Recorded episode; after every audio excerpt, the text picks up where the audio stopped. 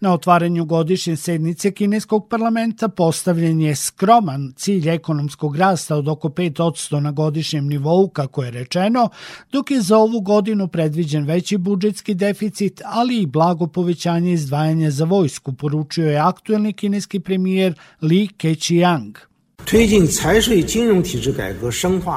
Globalna inflacija je i dalje na visokom nivou. Globalni rast trgovine i ekonomije gubi dah, a pokušaj da se Kina potisne i ograniči su sve jači. Kina očekuje da će deficit državnog budžeta ove godine biti 3%, dok će izdvajanja za vojsku porasti na nešto više od 7% BDP-a. Vojska treba da posveti više vremena vežbama u borbenim uslovima. Pred oko 3000 delegata u Velikoj sali naroda u Pekingu pozvao je parlament da primeni politiku komunističke partije Kine za rešavanje pitanja Tajvana i preduzme odlučne korake kako bi se suprostavio nezavisnosti Tajvana i promovisao ponovno ujedinjenje Kine i Tajvana. Tajvan je deo svete teritorije Narodne republike Kine, Kina, sveta dužnost čitavog kineskog naroda, uključujući i Tajvan je ponovno ujedinjenje otačbine. Rešavanje tajvanskog pitanja je stvar kineskog naroda i ni jedna strana država nema pravo da se meša. Na ovogodišnjoj sednici parlamenta najavljene su najveće promene u vladi u poslednjoj deceniji. Očekuje se da će se premijer Li Keqiang povući i da će za njegovog naslednika biti izabran Li Qiang. Kineski predsednik Xi Jinping je na sastanku iza zatvorenih vrata sa vladinim savjetnicima koji predstavljaju poslovni sektor tokom godišnjeg zasedanja parlamenta pozvao kompanije i preduzetnike da pokažu patriotizam i aktivno se uključe u dobrotvorne inicijative. Privatnim kompanijama je poručio kako bi trebalo da pravednije deli plodove svog rasta sa zaposlenima u, kako je on to nazvao, društvu zajedničkih interesa. 我代表中共中央 Budite bogati i odgovorni, budite bogati i na korist ostalih, budite bogati i brižni. Predvođen Sjedinjenim američkim državama, Zapad je preduzeo sveobuhvatne mere kako bi zauzdao rast Kine, zbog čega se sada suočavamo s izazovima bez presedana za naš razvoj. 美好的祝福。Na poziv pres centra Nacionalnog narodnog kongresa konferenciju za medije održao i ministar inostranih poslova Ching Gang, koji je primetio kako se Amerika angažovala na obuzdavanju Kine, a ne u fair takmičenju zasnovanom na pravilima. 美方所谓要给 Sjedinjene američke države bi trebalo da promene svoj iskrivljeni stav prema Kini ili će uslediti sukobi i konfrontacija. Amerika smatra Kinu svojim primarnim rivalom i najznačajnijim geopolitičkim izazovom, a to je do te mere iskrivljena percepcija kao kada uđete u pogrešan voz u nameri da stignete do određenog cilja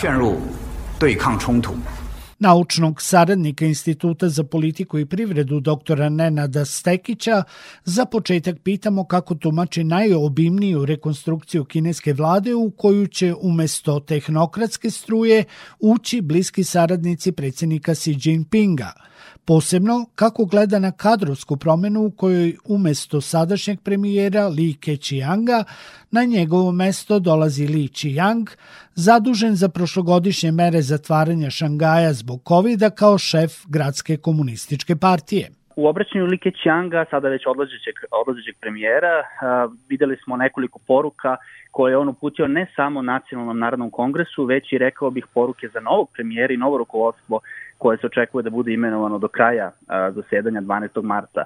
A, ja bih istakao dve grupe poruka. Prva a, se odnosi na jačanja oružanih snaga Narodne republike Kine, pre svega mornarice Narodno-oslobodilačke armije i naravno njenog ratnog vazokoplovstva, a druga grupa poruka ticala se konsolidovanja unutrašnjeg poredka, rekao bih pre svega unutrašnjih financija i neka vrsta preporuka za izlasak iz politike nulte tolerancije na virus korona. Uh, Li Qiang dolazi iz Šangaja, međutim o njemu u profesionalnom smislu znamo jako malo, osim da je vodio komunističku partiju u provinciji Zhejiang.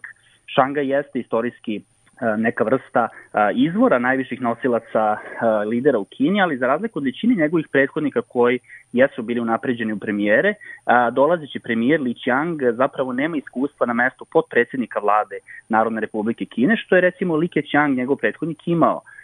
Takođe neki analitičari mu čak i u Kini zameraju nedostatak širokog spektra iskustva vođena takozvanom regionalnom administracijom, odnosno administriranjem pre svega siromašnih, siromašnijih pokrajina, što jeste preduslov za napredovanje i ukoliko naravno kadrovi komunističke partije Kine žele dalje da napreduju.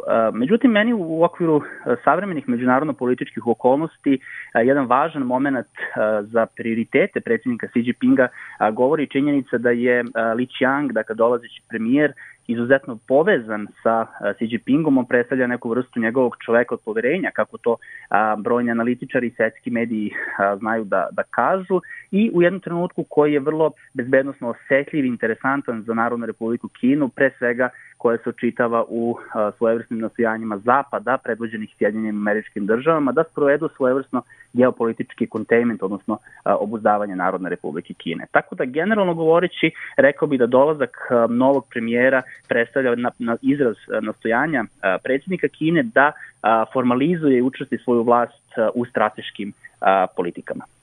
Peking se suočava sa izazovima u domaćoj i globalnoj ekonomiji, te kao jedan od ciljeva od suštinske važnosti još aktuelni premijer prepoznao u davanju prioriteta ekonomskoj stabilnosti. Stekića pitamo koliko su realna očekivanja da ovogodišnji privredni rast bude na nivou, kako je rečeno, skromnih 5 odsto ovogodišnji projektovani rast bruto društvenog proizvoda Kine projektovan je na 5%, što je nešto ispod onoga što je očekivano, bilo je očekivano da to bude barem između 6 i 6,3%. A, prošle godine, 2020. godine, Kina je ostvarila jedan od, rekao bih, vrlo skromnih rasta GDP-a u odnosu na 2021. godinu, što je bilo, dale, to je svega 3%, što je bilo pre svega daleko od projektovanih 5,5% za prošlu godinu. A, to je posledica dominantno politike nulte tolerancije, dakle zatvaranja fabrika i lockdowna kojima su se brojni a, kineski milionski gradovi našli, što je posledično dovelo do drugog najnižeg rasta GDP-a od čak 1976. godine, a jedini zapravo najlošiji rezultat Kine je ostvarila 2020. godine, dakle godine u kojoj je a, počela pandemija izazvana koronavirusom. Ja ću vas podsjetiti da Kina sada izlazi iz politike nulte tolerancije pre svega pre nekoliko nedelja otvorila je svoje granice, što bi potencijalno moglo da poveća a, target od skromnih 5% kako ste rekli, ali takođe će na taj uspeh uticati i brojni međunarodni činioci. Mi sada nemamo potpuni popis variabli koje bi mogli da utiču ali, na to, ali ja verujem da su to definitivno sankcije a, u sferi visokih tehnologija koje dolaze od Sjedinjenih američkih država, zatim moguće narušavanje sigurnosti lanaca snabdevanja i brojne druge promenljive. E sada paralelno sa tim imamo jednu vrlo značajnu tendenciju, a to je da će broj državnih službenika u centralnoj vladi biti smanjen za 5% progresivno u narednih 5 godina. To će dodatno uticati na stabilnost javnih financija Narodne republike Kine, a među promenama koje smo imali prilike da čujemo tokom ovog kongresa, barem u prvih nekoliko dana njegovog zasedanja, jeste uspostavljanje jednog vrlo značajnog regulatornog tela, takozvane nacionalne finansijske regionalne administracije, koja će imati moćan kapacitet da nadgleda ne samo komercijalne domaće banke i osiguravajuća društva, već i aktivnosti inostranih banaka koje posluju na tržištu Narodne republike Kine, tako i Hong Konga i Makaa. Na ovom kongresu objavljen je i državni budžet koji sugeriše da će finansijska podrška biti ograničena. Stekića smo zamolili da prokomentariše činjenicu da je budžetski deficit podignut na 3% bruto domaćeg proizvoda za ovu godinu, a da su izdvajanja za vojsku jedina stavka u budžetu koja će biti povećana. Postoje dve paralelne tendencije, rekao bih, u vezi sa izdvajanjima za potrebe vojske, odnosno vojni, vojnog budžeta.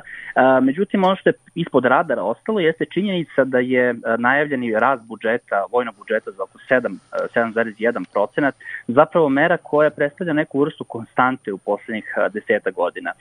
Svedoci smo činjenice da od 2014. 13. i 14. godine zapravo Kina svake godine povećava konstantno svoj budžet za između 6,5 i 7 procenata, tako da on sada na nivou ovom kom će biti u 2023. godini, dakle nešto oko 240 milijardi dolara, predstavlja tek jednu trećinu recimo američkog vojnog budžeta koji će ove godine iznositi preko 700 milijardi dolara. Međutim, skrenuo bih pažnju, i to je druga tendencija o kojoj sam govorio, jeste problem sa statistikama kada je Kina u pitanju. Dakle, mi nemamo precizne uvide u takozvane indirektne budžetske troškove za oružane snage koje se koriste za potrebe razvoja recimo nekih dualnih tehnologija koje su potrebne za razvoj sofisticiranih sistema naoružavanja, a pre svega za potrebe ratne mornarice i a, vojnog vazduhoplovstva.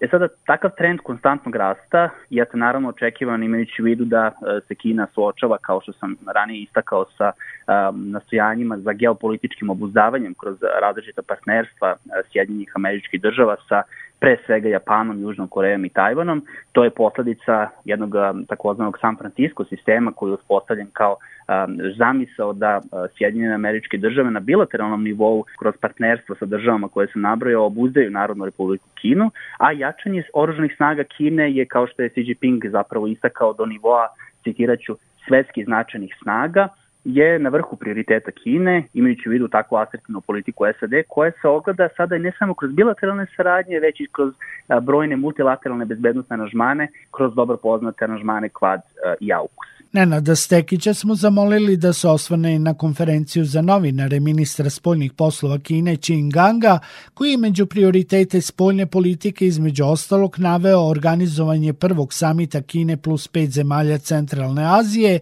i treći forum međunarodne saradnje Pojas i put. Takva vrsta najave za razvoje multilateralnih, multilateralnih vidova saradnje u kojima će Kina da vrši neku vrstu svojevrsnog lidera ili promotera multilateralne bilateralne saradnje u međunarodnim odnosima jeste u liniji sa onim što je Xi Jinping najavio kroz dve razvojne inicijative, kroz dve velike razvojne inicijative, globalna bezbednostna inicijativa i globalna razvojna inicijativa, odnosno Global Development Initiative.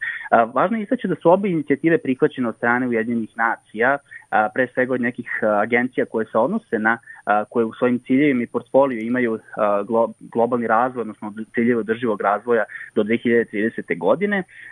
Svakako da Kina predstavlja neku vrstu promotera u toj oblasti, a rekao bi da neka vrsta srstavanja na prostoru Centralne Azije, na prostoru inicijative Pojas i put, zapravo predstavlja izrazno stojanja Kine i Pekinga da na inovativan način a, nastoji da obnovi nešto što postoji, a, gde je dakle, predviđen problem a, u inicijativi Pojas i put, koja se ispoljila u priličnoj, a, priličnom problemu, imajući vidu da su neke države centralne istočne Evrope, recimo sada već, a, pre svega mislim na baltičke države, otvoreno sino skeptične, ali tako, prema saradnji a, sa Kinom. Tako da sve nove inicijative koje a, ćemo imati prilike da vidimo, a koje dolaze iz Pekinga, zapravo će predstavljati neku vrstu rebrendiranja kineskih međunarodnih odnosa i generalno kineskog viđenja kineskog međunarodnog poredka iz, iz perspektive Pekinga. I kineski šef diplomatije i aktuelni premijer upozorili su na svu veću pretnju od oružanog sukoba zbog politike mešanja Sjedinjenih američkih država u odnosu prema Tajvanu. Stekića pitamo kako tumači stav Kine da je cilj mirna reintegracija Tajvana u Kinu. Da, zapravo to je jedna od, rekao bih, možda i najvažnijih poruka i pitanje Tajvana jeste pitanje koje će predstavljati e, centralnu dilemu u e, strateškom nadmetanju ne samo između Kine i Amerike, već i rekao bih između Kine i ostatka čitavog sveta. I upravo zbog toga je važno shvatiti da kineska pozicija trenutno, odnosno zvanični Peking, nastoji da formuliše specifičnu politiku, geopolitičku poziciju prema, prema prostoru Istočne Azije i Jugoistočne Azije. Ja bih rekao da smo mi sada svedoci jednog pomeranja lokusa ili središta globalne bezbednosti sa prostora, sa evroatlantskog prostora na jedan prostor Indo-Pacifika, u pitanju jedan zaista veliki, širok makroregion koji sada Sjedinjene američke, nastoje, američke države nastoje da promovišu kao a, izraz globalnog središta bezbednosti, a rekao bi da zapravo Tajvan će predstavljati krucijalnu tačku ili žarište tog lokusa bezbednosti u godinama koje su pred nama. Tenzije oko Tajvana i sve češće pominjanje mogućnosti oružanog sukoba između Sjedinjenih američkih država i Narodne republike Kine oko tog ostrva, stratege i analitičari u Azijsko-Pacifičkom regionu navode na razmišljenje o tome koja bi od te dve zemlje bolje podnela ekonomski šok koji bi taj rat prouzrokovao. Nezavisno od toga koja bi od ove dve zemlje bolje ekonomski podnela eventualni rat na Tajvanu, jasno je da bi on bio poražavajući u ekonomskom pogledu za obe strane. Sektor Plus. Svet sa naslovnice.